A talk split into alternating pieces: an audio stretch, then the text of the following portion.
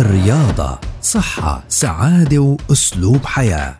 نصائح ومعلومات رياضية مهمة لجسم صحي وسليم. تسمعوها يوميا عبر أثير أجيال. مع الكوتش مجدي الرابي مدرب الرياضة المحترف. مع الكوتش بودكاست من أجيال. يأتيكم كي تطوروا أجسامكم نحو صحة أفضل. يسعد أوقاتكم.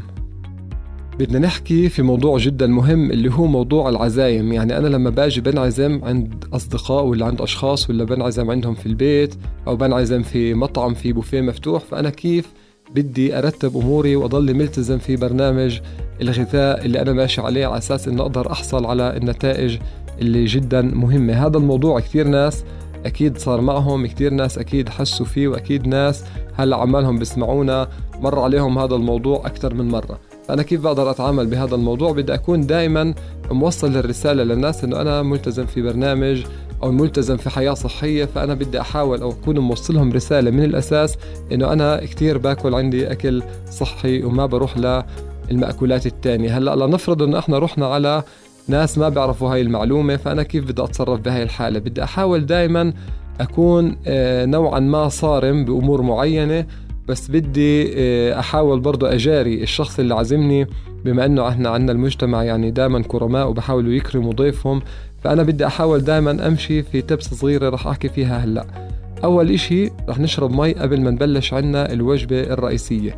نشرب مي وإذا موجود شوربة نشرب هاي الشوربة. إذا موجود عنا كمان سلطات والله بنحط برضه سلطات. بنحاول إنه مع الأكل آه إما إنه ما نشرب شيء أو نشرب مي عنا نحاول إنه دائما نبعد عن المشروبات الأخرى اللي ممكن إنها تأذي جسمي. وكمان إشي مهم جدا بدي أحاول أبعد عنه اللي هو موضوع الحلويات اللي بتيجي بعد الأكل.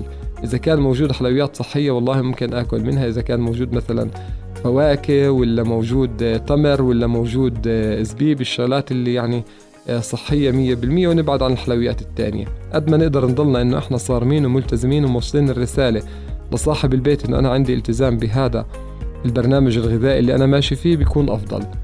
نتمنى الصحة والسلامة للجميع. In sports we share love.